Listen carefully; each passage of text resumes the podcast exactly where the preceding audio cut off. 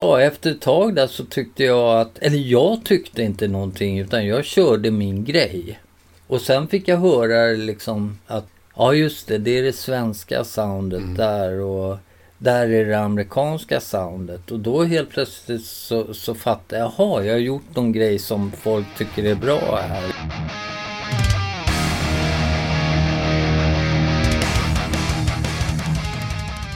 Du lyssnar på Rockpodden avsnitt 15. Idag ska vi beträda helig mark. Jag åker ut till Sunlight Studio och träffar Thomas Skogsberg. Den är legendariske producent och ljudtekniker som i allra högsta grad har varit med och skapat det svenska dödsmetallundret. Han är en mycket avslappnad herre som gärna lutar sig tillbaka i sin producentstol och snackar bort ett par timmar. Jag tycker det här blev en mycket trevlig pratstund och jag hoppas att du som lyssnar kommer få en skön inblick i Sunlights historia och i Thomas liv. Det här är Rockpodden med mig Henke Brandryd. Nu kör vi! Vi sitter i Sunlight Studio ute på Gräddö i hjärtat av Roslagen. Mitt emot dagens gäst Thomas Skogsberg. Mm, tack så mycket. Tack, tack. Alldeles ypperligt trevligt att ha dig som gäst i Rockpodden. Ja, roligt. Hur mår du idag? Eh, det är faktiskt ganska bra. Jag är lite trött. Ehm, eh, jag brukar sitta uppe på nätterna och jobba väldigt mycket. Mixar ja. och, och, och grejer. Så att jag är lite seg så här på morgonen. Ja, och klockan är då för 13.10. Ja. ja, nej då. Det, det, funkar ett par timmar till. Jag brukar ta en sån här middagslur när, när uh, min sambo tittar på uh, Idol eller, eller ja. något sånt där. Då brukar jag ta en liten timmes sömnpaus framför tvn. Gud vad skönt. Ja. Ja, men vad händer i Sunlight idag? Idag, nu håller jag på med, nu håller jag på med mix. Eller jag har ju, jag har, jag har så jävla mycket järn i elden. Men uh, det som jag håller på med just nu, det är ett band som heter Assblaster. Mm. Kommer från Uppsala. Mm. Och uh, de har spelat in en femlåtars EP kan man väl säga. Mm. Ja, nej, men det, det håller jag på med just nu. Och och eh, ja, sen håller jag på med en annat gäng också som heter um, In Deep Water. Som är precis, kan man säga, lite tvärtom. Det är inte så mycket hårdrock utan det är mera åt, uh, ja det låter konstigt det här, men, men lite David Bowie-stuket. Okay. När det var som bäst. Ja. Och sådär. Eller det är lite stonesigt kan ja. man säga då, då. Mycket gitarr och sådär men uh, inga hårdrocksgrejer. Så det är väl de två grejerna som jag håller på med nu och, och meckar med mm. och, och, ska försöka få till då. Men det är lite sådana band som letar sig hit också? Som inte är hårdrock och metal? Ja, tack och lov. ja. ja men alltså jag gillar ju, jag gillar ju den här uh, bredden. Mm att jobba. Bara det, bara dista lite i kanterna så är jag nöjd liksom. Sen får det vara rock'n'roll eller uh, black metal. Det, mm. det, spelar liksom ingen roll. Bara det inte är mainstream. Men det får inte vara för polerat. Liksom. Nej, precis, Nej. precis. Nej. Härligt. Ja, jag vet eh, knappt om vi ska börja. Du har ju ett, en meritlista som få slår. Mm. Tycker jag. Och för folk i min ålder och lite upp och ner i åldrarna är du liksom legendarisk. Alla, vi, vi har ju en hel sektion i våra skivsamlingar som ditt namn står på. Hur, hur, hur blev det så? Hur började det? Oj, hur lång tid har vi på oss? Ja, vi har precis hur lång tid som helst. Nej, men jag kan dra det i korthet. Hur det började. Jag har ju alltid varit intresserad av ljudteknik. Ja. Fast kanske mera på den eh, på producentsidan än just ljudtekniker. Mm. Det har jag aldrig varit intresserad av att bli för att det är, det är för krångligt liksom helt enkelt för min del. Men däremot hur man skapar ljud och så vidare.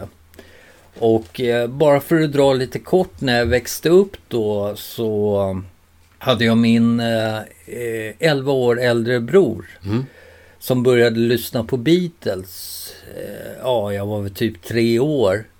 Så att Beatles för mig har ju betytt väldigt mycket eh, under alla år. Och när jag blev kanske 11-12 då började jag ju förstå vad, vad det var. Hur genialiskt mycket, mm, mm. mycket grejer var. Och han pumpade ju de där låtarna varje dag. Så jag kommer ju inte ihåg första gången jag har hört de där låtarna egentligen. Mer än ett par B-sidor som jag köpte senare då. då. Och det medförde ju att jag blev intresserad av musik.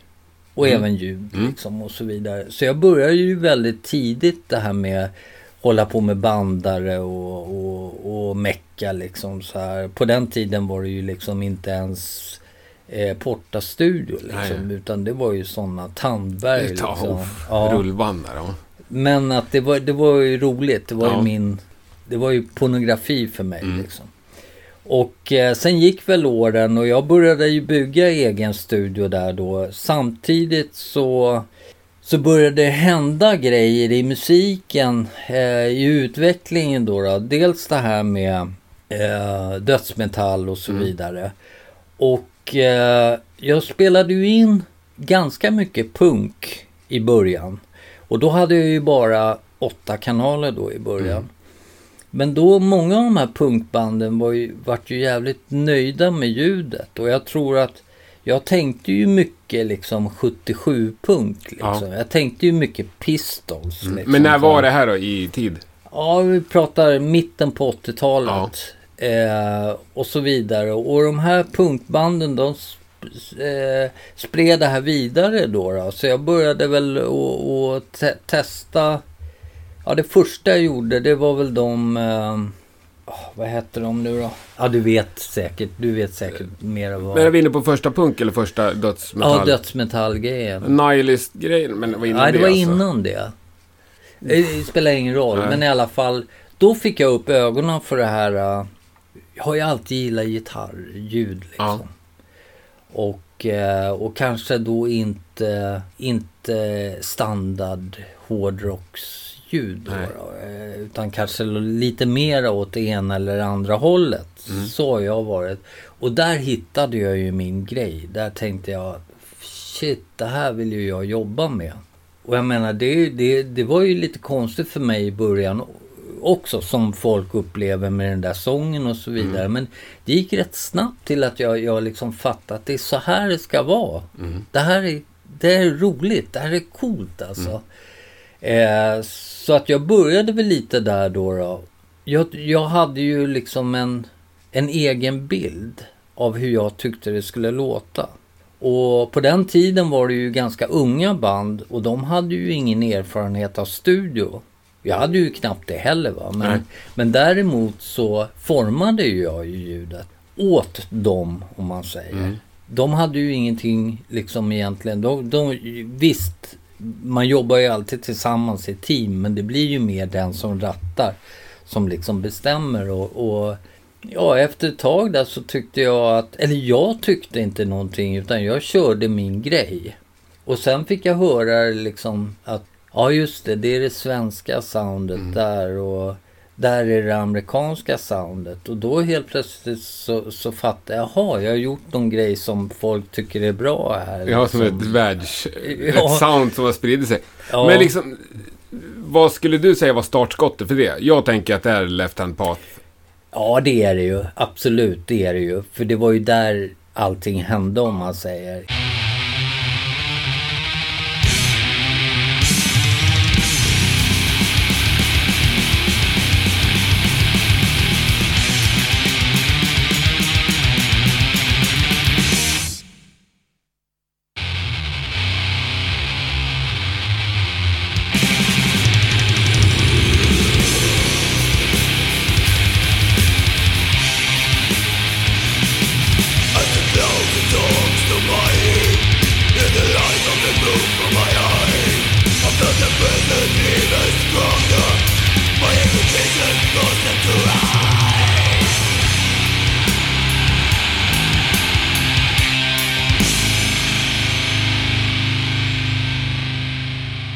Även om jag körde lite innan där ja. och, och, några plattor och, och sådär. Så blev ju Left Hand Path. Det, det var ju den. Där det Stora, till. ja. Ja, absolut. Men det här liksom klassiska gitarrljudet som du själv var inne på. Det är väl ingen hem- hemlighet längre att det är en sån heavy metal 2 Nej, nej, nej, HM2-pedal. Det har väl aldrig varit någon hemlighet? nej, det har jag inte. Men, var, var kom det ifrån då? Var det din, vems pedal var det? Det var inte min pedal utan det var, nu ska vi se här om det var, nu ska vi se. Det var väl innan Left Hand Path när vi körde Nihilist. Eh, jag kommer inte ihåg vad han hette den killen, han dog ju sen. Eh, men det var i alla fall han som egentligen hade kommit på det här med Okej. att använda den pedalen. Eh, men sen när Uffe Sedlund Ja. sen tog med den till Sunlight Studio så började vi testa den där och sen vidare ut i bordet och så Ja. lite mer kopplingar och och jag menar jag tycker det är helt fel att jag ska ta på mig liksom hela äran för det ljudet. Det, det tycker jag är helt fel. Däremot så har jag väl varit med om att Ja. liksom skruva fram det. Och eh, det är ju sådär att det, det ljudet är ju det är ju midrange liksom. Det är jävligt mycket midrange.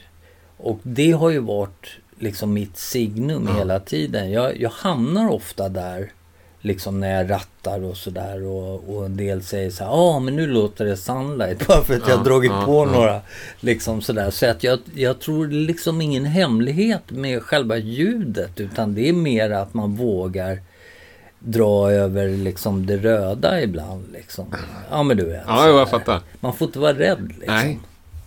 Nej, men det är ju coolt. Och det är ju liksom ändå så signifikativt. Även om det inte är så märkvärdigt då. Mm. Det får ju låta väldigt simpelt. Ja, alltså sen måste man ju tänka så här också att det beror ju mycket på vem som eh, trakterar instrumentet. också. Självklart, ja. Jag menar gitarrljudet hade ju aldrig blivit så bra om det inte hade varit en så bra gitarrist Nej. som Uffe Sedlund. Nej, liksom. nej, han är ju grym. Och Alex Ja. också. Ja, ja, ja, visst. Men jo, fast det är ju... Ja. Nej, jag håller med. Det är ju en tonplattorna som är... I alla fall i min bok, liksom. Mm. Stjärnorna. Men Ja. sen man säger Dismember och många andra band hade ju liknande sound. Mm. Men det var aldrig riktigt lika Nej, precis. s- svängigt på något sätt. Det sitter jag. ju mycket i Ja, det fingrarna är klart alltså. Ja. Och jag menar den kombon som eh, Nicke Andersson och, och Uffe Sedlund. Mm. Den, den, det finns inte många av den sorten. Nej, alltså. det gör ju inte. Nej. Så att där är det väl. Där har man väl också lite av hemligheten Ja. med, med sound. Ja, självklart. Efter Left Hand Path. Hur lång tid tog det innan du märkte att folk började ringa lite oftare och... Ja, alltså det gick väl väldigt snabbt. Men eh, just under det här Left Hand Pass-grejen så, så var det ju ändå, hade jag ju ganska mycket Mm. redan där då, då. Men nu kom det väl mera lite mer utomlands ifrån och Mm. från liksom Europa och så vidare. Och även eh, från Sydamerika och sådär. Så att genom eh, Left Hand Pass-skivan Mm. så spreds ju också själva soundet och studion. Mm. Liksom.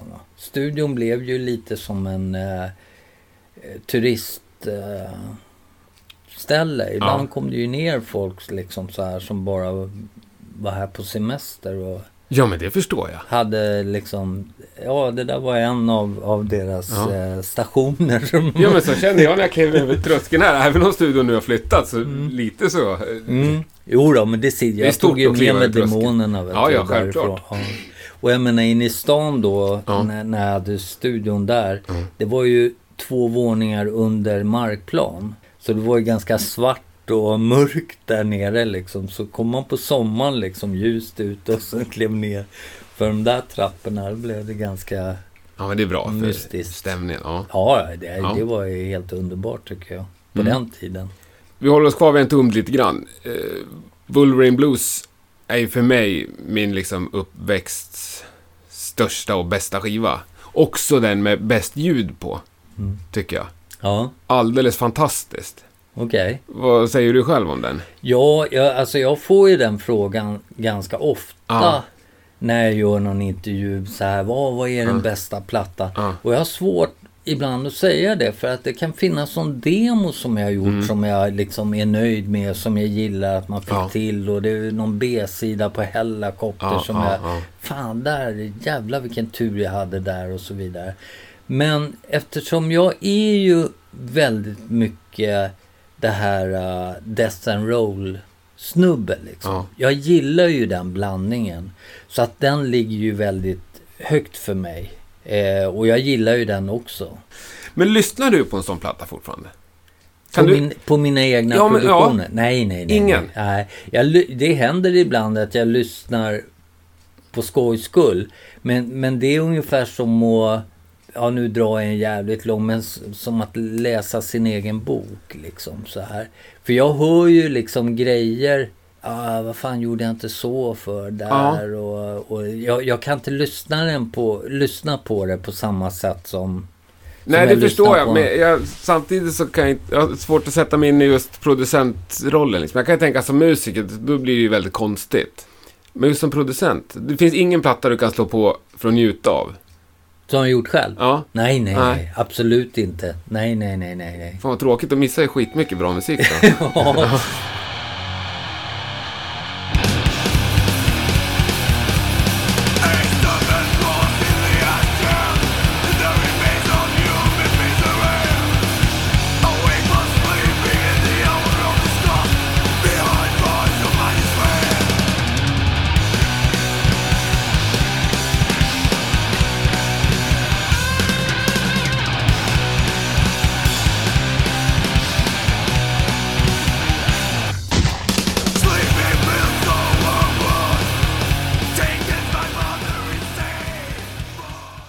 Och det har ju kommit mycket band nu på senare tid som spelar just Mm. den eh, Death and Roll-grejen. Bland annat ett band som har gjort två plattor med, Jesus Chrysler Mm. Supercar. Mm. Eh, de har jag haft, eh, alltså de, de, två plattorna, eller den i alla fall, som, som sin heliga grej liksom. Mm. Att, att eh, det är åt det hållet de vill. Mm. Och, och då, då tyckte de väl, då är det bättre, bäst att ringa den som har jobbat med Absolut. dem. Då, då, sådär. Och det är också ett sånt här band, men det behöver vi inte prata om nu. Men det, det som man finner en, en skön kemi och energi Mm. hos som... Det är alltid roligt att jobba med dem liksom.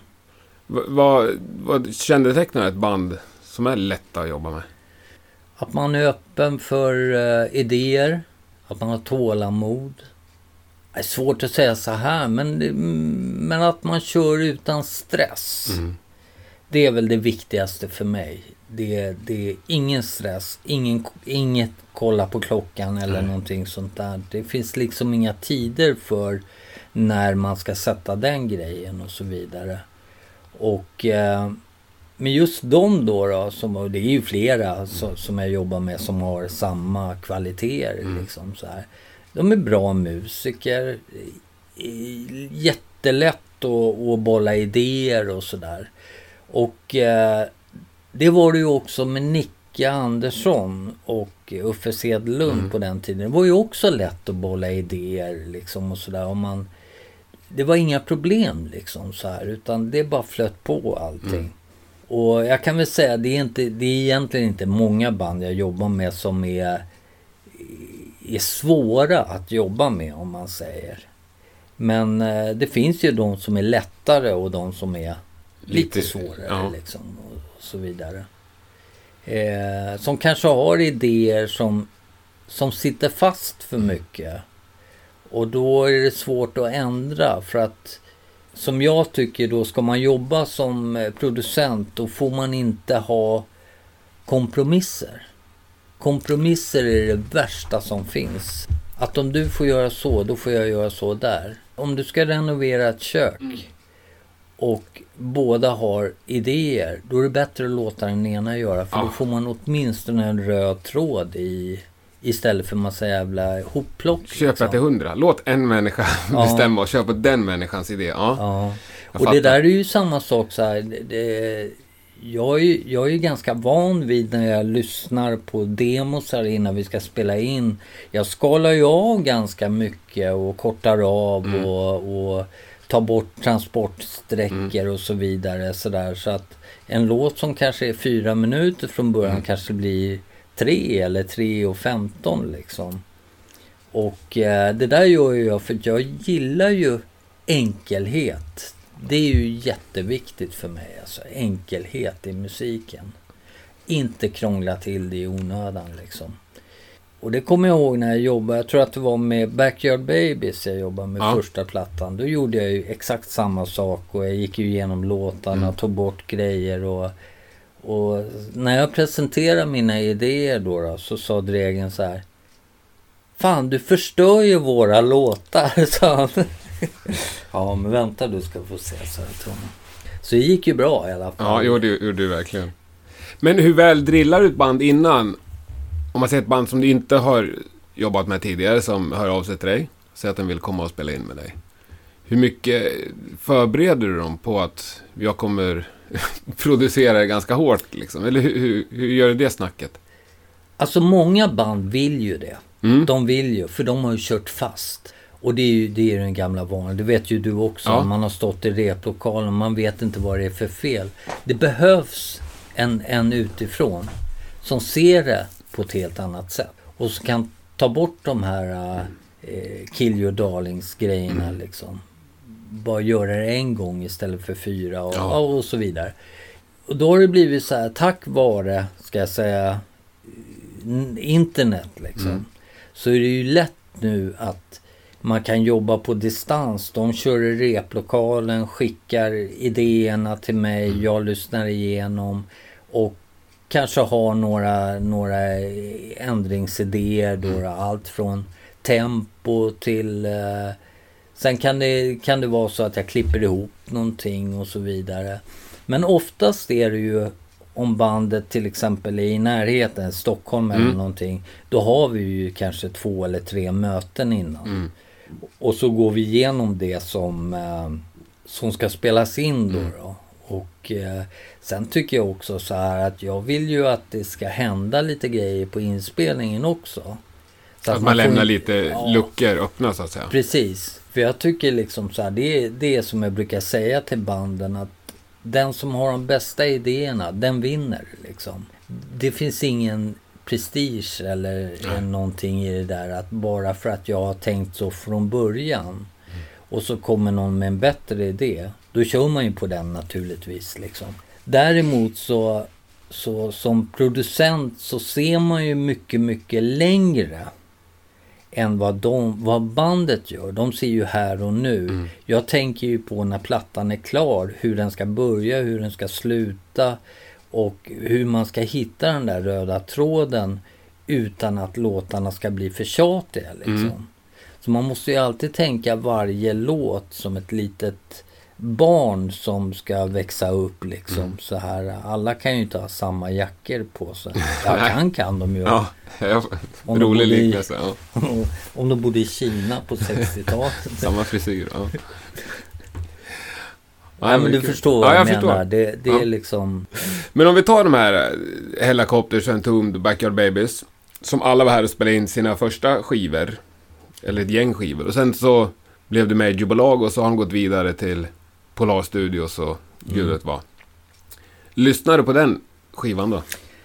Eh, ja, det har hänt faktiskt att jag har gjort. Sen kan man ju ha sina... Oj, varför gjorde de sådär? Ja. Och så vidare.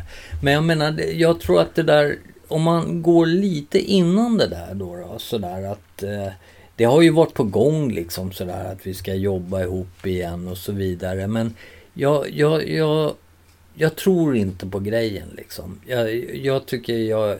Jag har gjort det där med en tomt som jag känner... Ja. Jag är stolt över det och jag tycker Ja. det var roligt. Det, det känns som att om jag skulle börja jobba med dem igen så, så skulle det bli någon slags tävling. Att Mm. det, nu ska vi göra en ny Left Hand Path eller något sånt där. Nej, jag tänkte inte så. Jag tänkte, spelar de in sina första fyra här va? Eh, ja, just det. Ja. Sen då den femte så att säga. Mm. När de hade lämnat dig. ja, just det. Ja, Ja. precis. Lyssnar du då av nyfikenhet eller bli- blir man lite så här...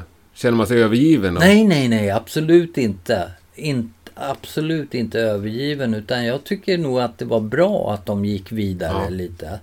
Eh, om, om man då bara ska placera in det lite i så här så tycker jag väl kanske att utvecklingen inte riktigt var så som jag kanske tyckte att det ska vara. Nej. Sen har det ju gått upp och ner. Vissa grejer har ju varit lite roligare Mm.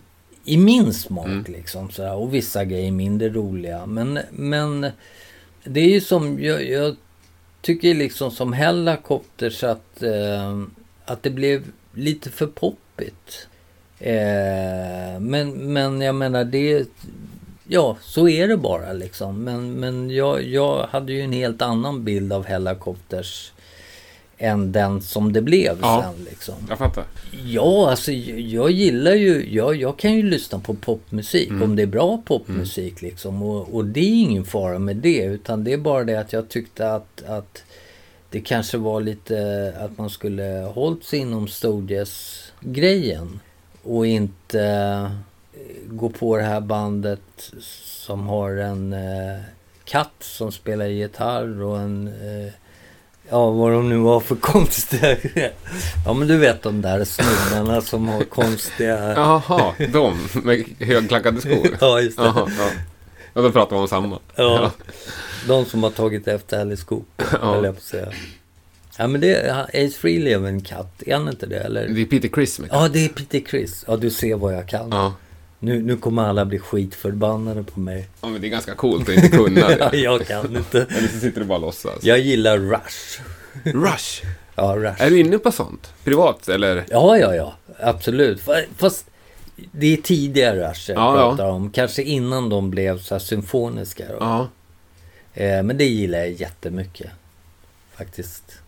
ja coolt. Ja. Vad lyssnar du annars på? Privat? Beatles. Beatles. Ja. Ja. Det är kvar samma sen 11-årsåldern. Ja, ja, ja. Beatles är faktiskt ett av de enda grejerna jag kan lyssna på utan att tröttna på det. Mm.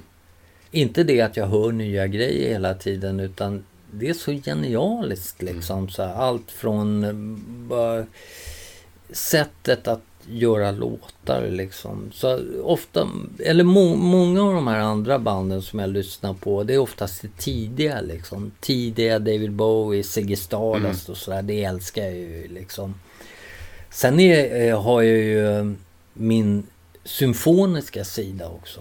Eh, och det är också tidigt. Eh, tidiga Yes och Genesis. Mm. Och sånt. Det älskar jag ju liksom.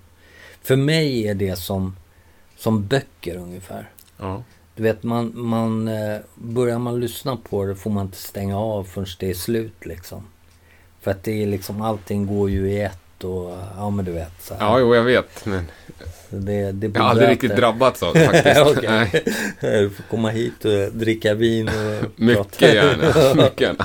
Hur, men hur lyssnar du på musik? Du ser ut som en vinylmänniska. Ja, ja, ja. Jag är vinylmänniska, Ja. men... Ja, det här låter puckat alltså, men... Eh, jag släpade runt på mina vinyler. Jag hade så otroligt mycket vinyler. Och jag kommer ihåg då vi fick barn på 90-talet då. då och jag hade vinylen och de var där med pickuppen och snurrade runt den där som en karusell och det bara pajade allting och jag var så trött så jag la undan det där. Och sen har man ju flyttat lite så här fram och tillbaka och de där jävla kartongerna och, och liksom sådär. Och, och, så köpte man CD-skivorna istället för att det var lättare. Sen kom ju Spotify och så vidare. Så tänkte jag, ja, men jag säljer mina skivor. Så jag gjorde det och fick väldigt bra betalt för det. Men jag ångrar det som satan. Ja, det förstår jag. Ja. Så att jag vill helst inte prata om det. Men- det. Men faktum är det, jag är ju analog människa Ja. liksom till, till 100 procent alltså. Ja, det står ju en gammal eh, Tascam rullbandare här. Nej, Fostex. Fo- Fostex, förlåt. Ja. Eh, åtta kanaler. Nej, 16, är till det och med. Inte till rätt här hade jag. Används den? Ja, lite grann. Men inte så mycket som den skulle behöva göras. Nej. Eh, eftersom jag brukar alltid säga, fan jag hatar datorer men ändå jobbar jag ju med det. Men jag måste säga, det, det finns saker som har gjort det mycket, mycket lättare Ja. med datorer. Självklart. Man kan Och- inte ta bort allt. Nej, nej, nej, absolut inte. Och jag försöker ju lura den där jävla datorn också och liksom få bli lite analog. Och det beror ju lite på hur man spelar in. För att jag kör ju med ett gammalt eh, eh, program. Eh, vad är det nu? Logic PC. Okej, är jättegammalt alltså. Ja, det är jättegammalt. Det är det sista de gjorde innan det blev eh, Mac. Ja, Men då pratar vi väldigt, väldigt länge sedan. Ja, eller 90-tal. ja, okej, men dataprogrammet är från 90-talet? Ja. alltså. ja. Men faktum är det att, att det, jag vill ju använda datorn som en bandspelare. ja. Och jag vill ju liksom, jag vill ju mecka själv med ljudet. Jag använder ju ganska mycket analoga, eh, vad säger man, kallar man det för hårdvara liksom. Mm. Eh, så att jag vill ju inte att själva datorn ska göra jobbet. Utan Nej, jag okej. vill bara att ja, det det finns inga pluggar till det där. Ja, jag har ju pluggar i och en del använder jag ju. Och det funkar liksom. Det är kompatibelt så att säga. Ja, man får använda lite gammalmodiga grejer sådär Ja. ibland. De, de nyaste, då får ju datorn helt splatt när det... Ja, men du vet. Och vad heter det? um, Nej, så att eh, fördelen är ju det där att...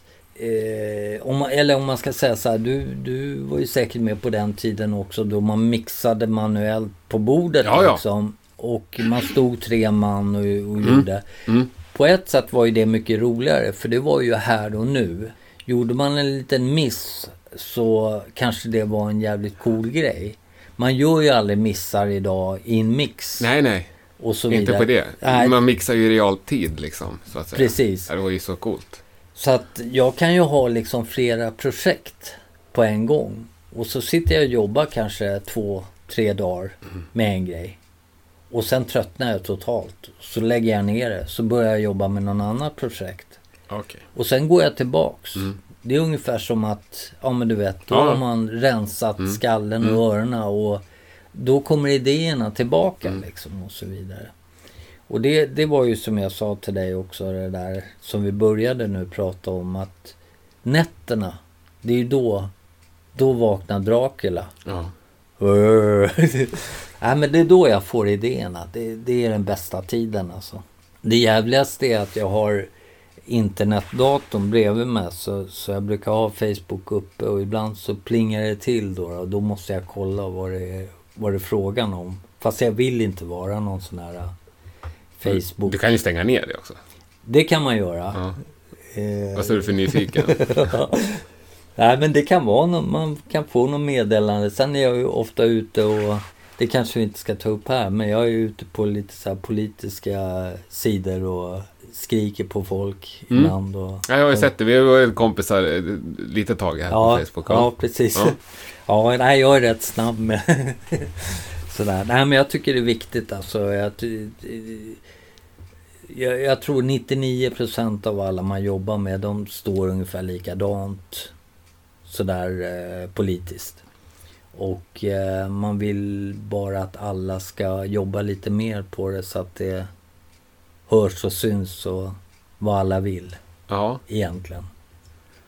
ja, ja, man gör som man vill. Mm. Nu, för tiden är det ju lite tabu nästan med politik i musik just. Ja, just det. Kan jag ja. känna i alla fall. Ja, precis. Ja, det var väl Käng-punken där som höll på lite grann. Ja, sen kom den här straight edge ja just det. Ja, precis. Och det finns väl några band fortfarande som kör, men det är inte så många. Nej, men jag, jag, har, jag har tjatat på lite folk som, ehm, som är yttersta vänstern och, och som håller på med black metal och, och lite sånt där. Att vi ska försöka göra någon grej. Vore kul med politiska texter liksom. Bara för jävlas. Ja, just i black metal, där texten går fram så tydligt. ja, ja, men du, om vi, om vi vänder på det där då, så finns ju också en falang längst ut till höger inom extremmusiken. Mm. Är det någonting du har kommit i kontakt med? Eller är de smarta nog att inte ringa till dig? Ja, inte nu längre. Men, men det var ju så. eh, Eller det, det hände väl egentligen bara en gång. Det var på 90-talet. Då var det någon, något band som ringde mig. Och jag frågade alltid vad det är för någon Mm. musik och så vidare. Och, och de ville väl inte riktigt säga vad det var. Men eh, när de kom till studion då, då visade det sig att det var skinnskallar som kom. Ja. Och då i studion där inne i stan så hade jag en ganska stor eh, affisch eller en bild på Stalin. Så att de fattade väl liksom vinkeln direkt när de kom in vad, vad skåpet ska stå. Men de fick spela in i alla fall. Ja, fast så här var det. Att eh, det var på den tiden som Fred Esby jobbade hos Ja. mig. Och han visste ju, han förstod ju att fan det här blir jobbigt för mig. Ja. Eh, dels behöva gå ut med mitt namn Ja. med det här då. då. Så han sa till mig så här, du kan gå hem, jag tar hand om det här. Vilket jag, jag tyckte var så jävla schysst av honom att Ja, ja. göra. Så, att, eh, så att det blev aldrig att jag, jag gjorde den inspelningen utan det var Fred Esby som gjorde den. Ja, det var bussigt. Men jag tror att sen spreds nog ryktet Mm. med Stalin på väggen och hammaren och skäran in i... och så. Ja. Nej, så att... eh, Nej, men jag, jag, jag vill inte jobba med sån musik. Nej, det förstår jag. Inte Ja. om man har den övertygelsen som har. Nej, absolut inte. Finns det andra anledningar som kan få dig att säga nej till ett band? Ja, om jag tycker att jag inte klarar av att, eh, att göra deras musik rättvist. Det har hänt att eh, jag har fått förfrågan om det kanske är... eh, Ja, att det ska vara... Alltså jag vill ju... I grund och botten så har jag någon slags här, skit i rock'n'roll. Mm. Eh, och om det ska vara för cleant liksom. Mm. Jag vet inte vad jag ska dra för exempel. Men om vi tänker oss band som lutar sig mer åt eh, Dream Theater till Ja. exempel. Då är det inte jag Nej. som man ska jobba med i så fall. Jag skulle tycka det var skittråkigt alltså. Jag skulle nog inte kunna göra något bra där om jag inte får liksom helt eget. Fast då skulle du inte låta Dream Theater när det var klart. Nej, Nej. precis. Och jag menar det är, det är ju vissa sådana här tekniska band jag har jobbat med. Men de har å andra sidan varit väldigt öppna för att, att göra det lite skitigt Mm. liksom. Och då tycker jag det är helt okej. Om det är schyssta människor Mm. och om jag tycker musiken är, är rolig att jobba med liksom. Mm. Men skulle du kunna tacka nej till ett band för att de är för dåliga? Eller för att du tycker att de är för dåliga? Eh, ja, alltså grejen är så här att eh, jag har ju... Jag har inte tackat nej, men jag har ju faktiskt i inspelningsskedet skickat hem band. För att de har varit så orepade. Ja. Och jag har sagt så här, vi kan hålla på i timmar, men ni vet ju inte ens hur låtarna går. Liksom, det ni själva har, har skrivit ihop. Liksom. Nu har ju inte det hänt nu på den senare tiden, men förr i tiden har det faktiskt hänt. Men pratar vi då på den här tiden när folk spelar in demos liksom? Nej, Är vi uppe i utan kanske skivbolags... i mellantiden där, Ja. någonting sånt där. Och, eh, och jag menar, för mig är ju varje produktion är ju jätteviktig. Alltså jag vill ju inte släppa iväg Nej. vad som helst. Nej, nej. Liksom sådär. Och, och jag menar i dagens läge, då kan ju, om, om det är lite otajt här och där, då kan ju jag fixa det i datorn. Det kan jag ju göra. Ja, ja. Även om jag inte vill det. Men jag, jag kan göra det för bandets skull och för min skull. Liksom. ja. Och det är ju bra. Men grunden måste ju vara Ja, grunden måste vara bra. ja, skaplig i alla fall. Och det är, jag ska säga det är sällan det händer liksom sådär. Men jag menar det finns ju både liksom band med jättebra musiker och band med lite sämre musiker liksom. Och i, ibland så kan det vara roligare med lite sämre musiker att det det blir lite kantigt så här ibland. Men vad fan, det ska vara lite punk liksom. Ja, Det, det gillar jag faktiskt. ja, skön inställning. Ja, Men är det några andra inspelningar som, här kraschat mitt i? Aldrig haft något band som har hamnat i luven med varandra liksom där. Jag menar, många band har ju svårt att hålla ihop. Ja, det... Ja, det har faktiskt hänt. Men det kanske inte... Det har ju inte berott på mig. Nej, Alltså, nej, nej, nu tänker nej. jag mer att du sitter och bevittnar just någon gitarrist Ja, här det- som ja. ska ha 28 åtta takters gitarrsolo. Ja, nej, men ungefär. Ja. Så, så har hänt då, då folk har slutat mitt i inspelningen liksom. Att gitarristen har lämnat och, och sen har man väl fått eh, tagit en liten paus ett tag Ja. och hitta någon ny och så vidare.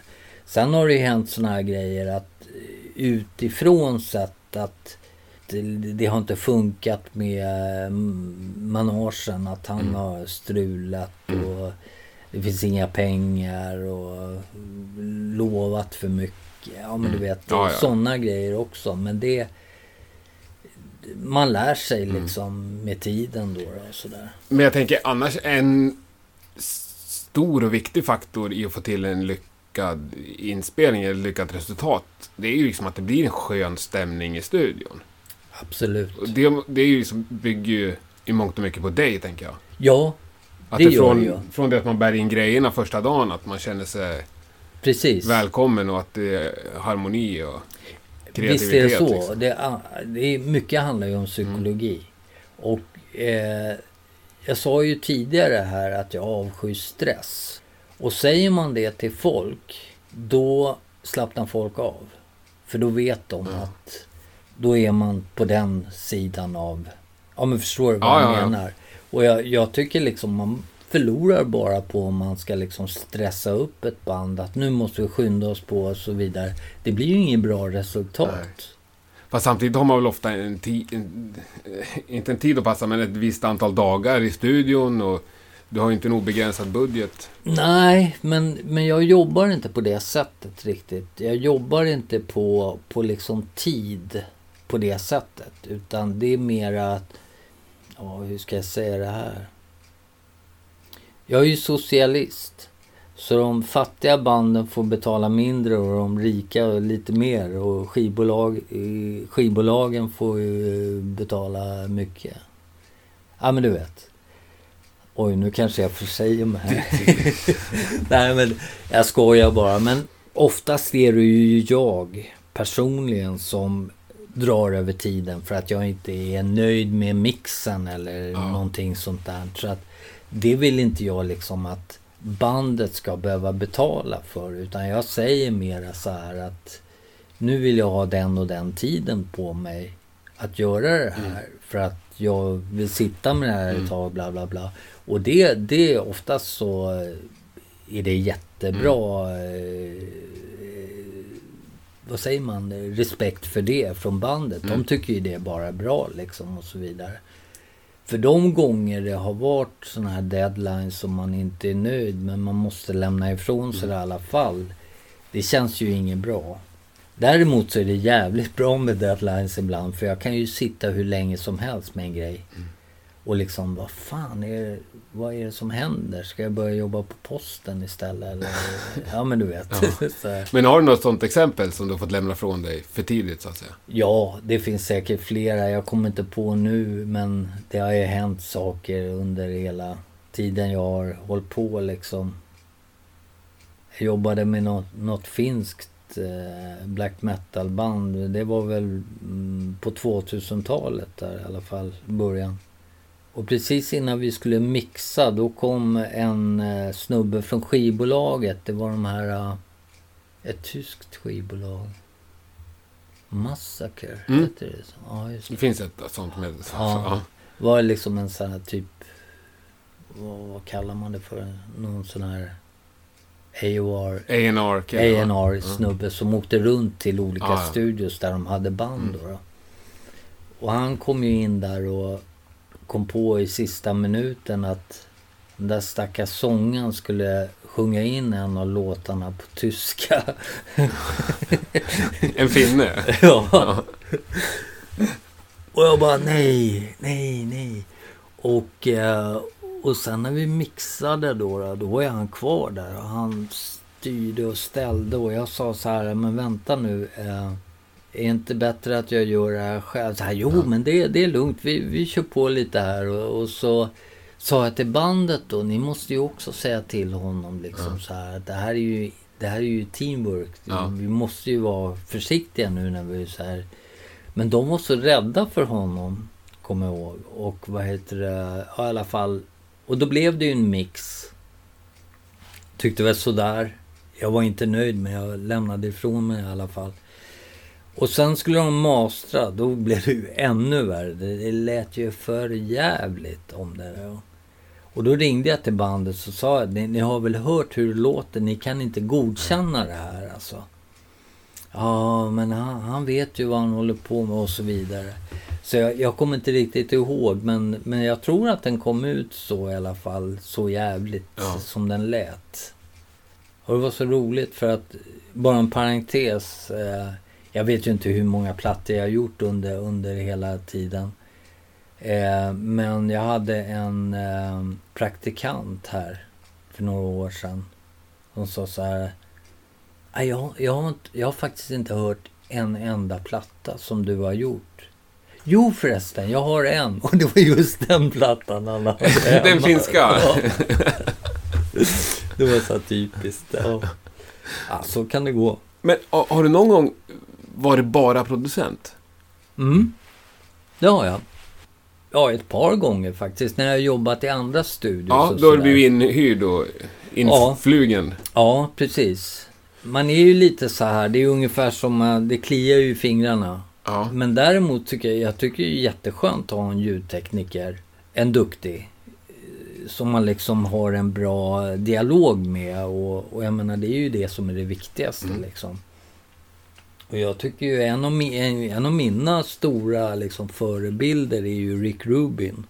Som kommer ner en eller två gånger i veckan i studion, lägger sig på soffan och halvsover. Och lyssnar igenom vad de har gjort. Mm. Och sen, nej den där tar ni om och den där tar ni om. Sen går han hem igen så kommer han tillbaka om en vecka. Nej, det är sålt. Ja. Ja. Men då tjänar man ju å andra sidan en miljon dollar per platta Ja. eller vad det nu är han tjänar. Nej men det, det, det, det, det är faktiskt när vi spelade in um, eh, Backyard Babies um, Enemies is Good-plattan. Eh, då spelade vi in den i England. Och eh, då var det en ljudtekniker som, han var väldigt, eh, om man säger, han var precis tvärtom mig. Han var väldigt så här, eh, ganska noga med ljudet och så vidare. Det är ju en väldigt välproducerad skiva om man ska säga. Mm, precis. Men där gjorde ju i och för sig Dregen, det var ju väl han som liksom tänkte där att om vi tar ytterligheter, att vi tar en jävligt noggrann snubbe och så tar vi någon som gillar det skitiga, Ja. då måste det ju bli en bra blandning. Ja. Så det var ju lite roligt sätt att tänka sådär. Men vad heter det? Ja, nej, den, den, den känns lite polerad. Det håller jag med om. Mm. Men det var ju så mycket folk inblandat där också. Ja, det var väl en jättesatsning va? Ja, Hur många guldskivor har du på väggarna? Eller har du i... ja, de På ligger vinden. uppe på loftet. Hur många är de? Ja, det är tre va, tror jag. Det är två, eller är det tre eller två? Ja, det är väl två, två Backyard Babies, vad jag vet. Jag vet inte, jag vet inte hur mycket de andra har sålts, men det är säkert guldskivor det också. Men jag vet inte hur riktigt hur det har funkat där. Nej, nu för tiden vet jag inte alls. Jag vet inte om det finns guldskivor. Jo, men det finns det ju. Ja, Trycks det upp frågan guldskivor fortfarande? om, Ja. Och ramas in och delas ut. Det kanske är hur mycket spelningar det har gjorts på Spotify. Eller där. Då får man då ett guld-USB-minne. ja, nej, jag ska ta reda på det faktiskt. Det var en intressant fråga. Jo, fan vad roligt det vore. Ja. Någon som har stått hemma och sprayat guld på ett USB-minne. Vilket är det mest underskattade band du har kommit i kontakt med? Har du haft något sånt band? Som du tycker är så in i bängen bra? Och som liksom inte har hänt något med? Jo, men det finns nog säkert flera, men jag kommer inte på riktigt nu så här uh, underskattat. Det är, jag, jag, jag tror det är fel ord. Jag tror att det är mera att uh, de har inte riktigt liksom kommit, kommit ut med sin grej tillräckligt bra. Eh, så det finns det ju flera som jag tycker. Jag jobbade med ett, ett eh, schweiziskt band som heter eh, King Legba. Som jag tyckte var jävligt bra. De hade också lite det här uh, Death and Roll grejen liksom. Mhm. ganska bluesigt liksom. Och det finns ett gäng band faktiskt. Mm. Det är därför jag blir så förbannad ibland på liksom så här att man väljer liksom i radion att spela utländsk musik när det finns så jävla mycket bra svensk musik liksom. Och jag menar, det, nu, nu tänker inte jag på liksom så här bara hårdrock eller metal. Jag tänker på svensk musik överhuvudtaget liksom. att alla de här programmen man ser på fredagskvällarna. Då tar de in någon från USA eller från England eller någonting sådär. Som står och mimar till någon backtrack tape liksom ja. där. Istället för att ta en svensk liksom. Det finns ju hur mycket bra musik som helst i Sverige. Ja, ja det gör det ju verkligen.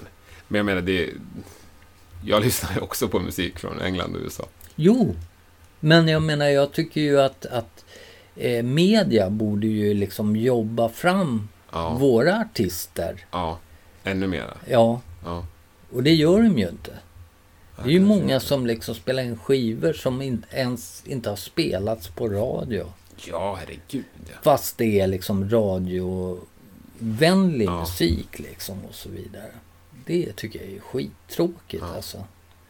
Och jag menar, det är ju ibland att jag är ju en sån där, jag är ju radiomänniska. Jag mm. lyssnar ju mycket på radio liksom. Jag har P4, mm. Radio Stockholm på.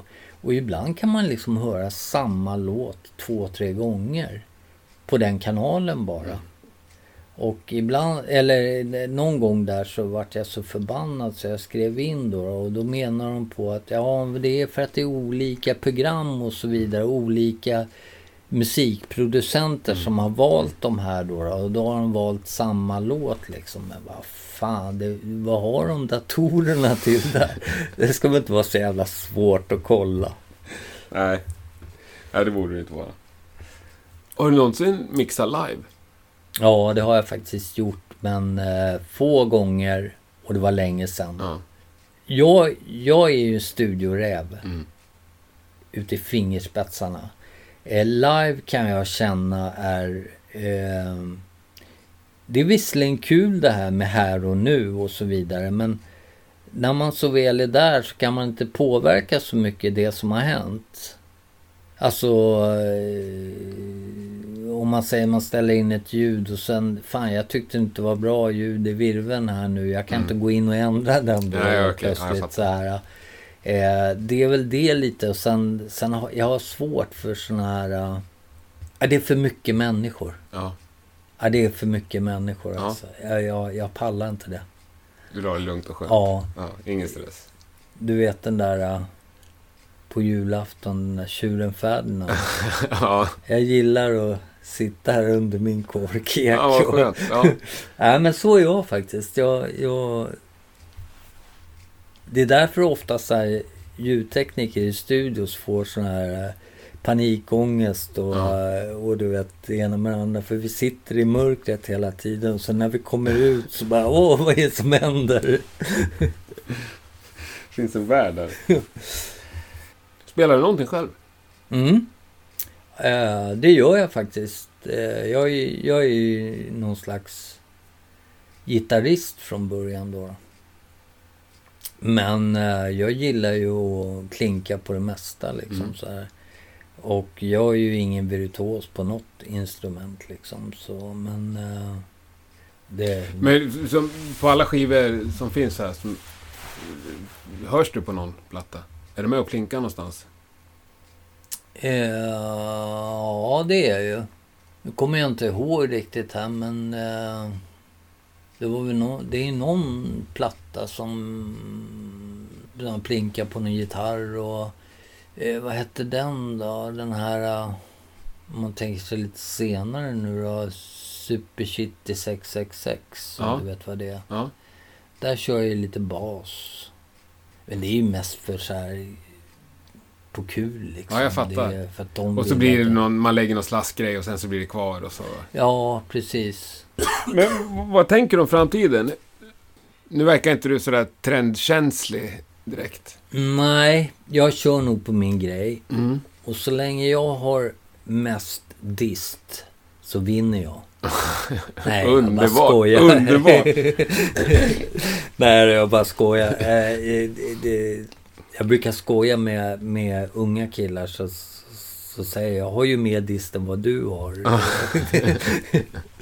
Nej men alltså jag vill inte bli någon sån här popfarfar. Nej. Absolut inte. Utan när jag känner att... Eh, när jag känner att jag inte har någonting mer att ge. Ja. Då börjar jag med countrymusik istället.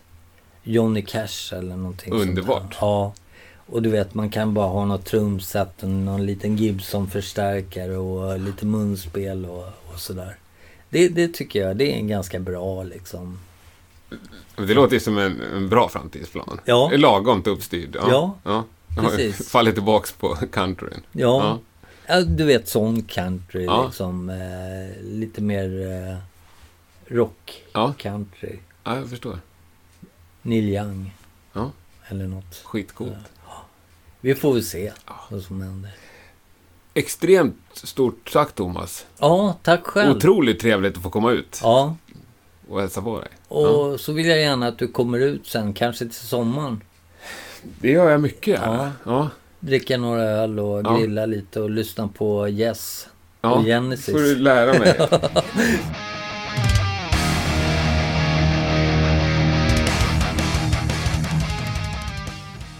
Det var allt vi hade att bjuda på denna vecka. Stort tack för att du har lyssnat. Rockpodden finns också på Facebook, Instagram och Twitter om du vill komma i kontakt med mig.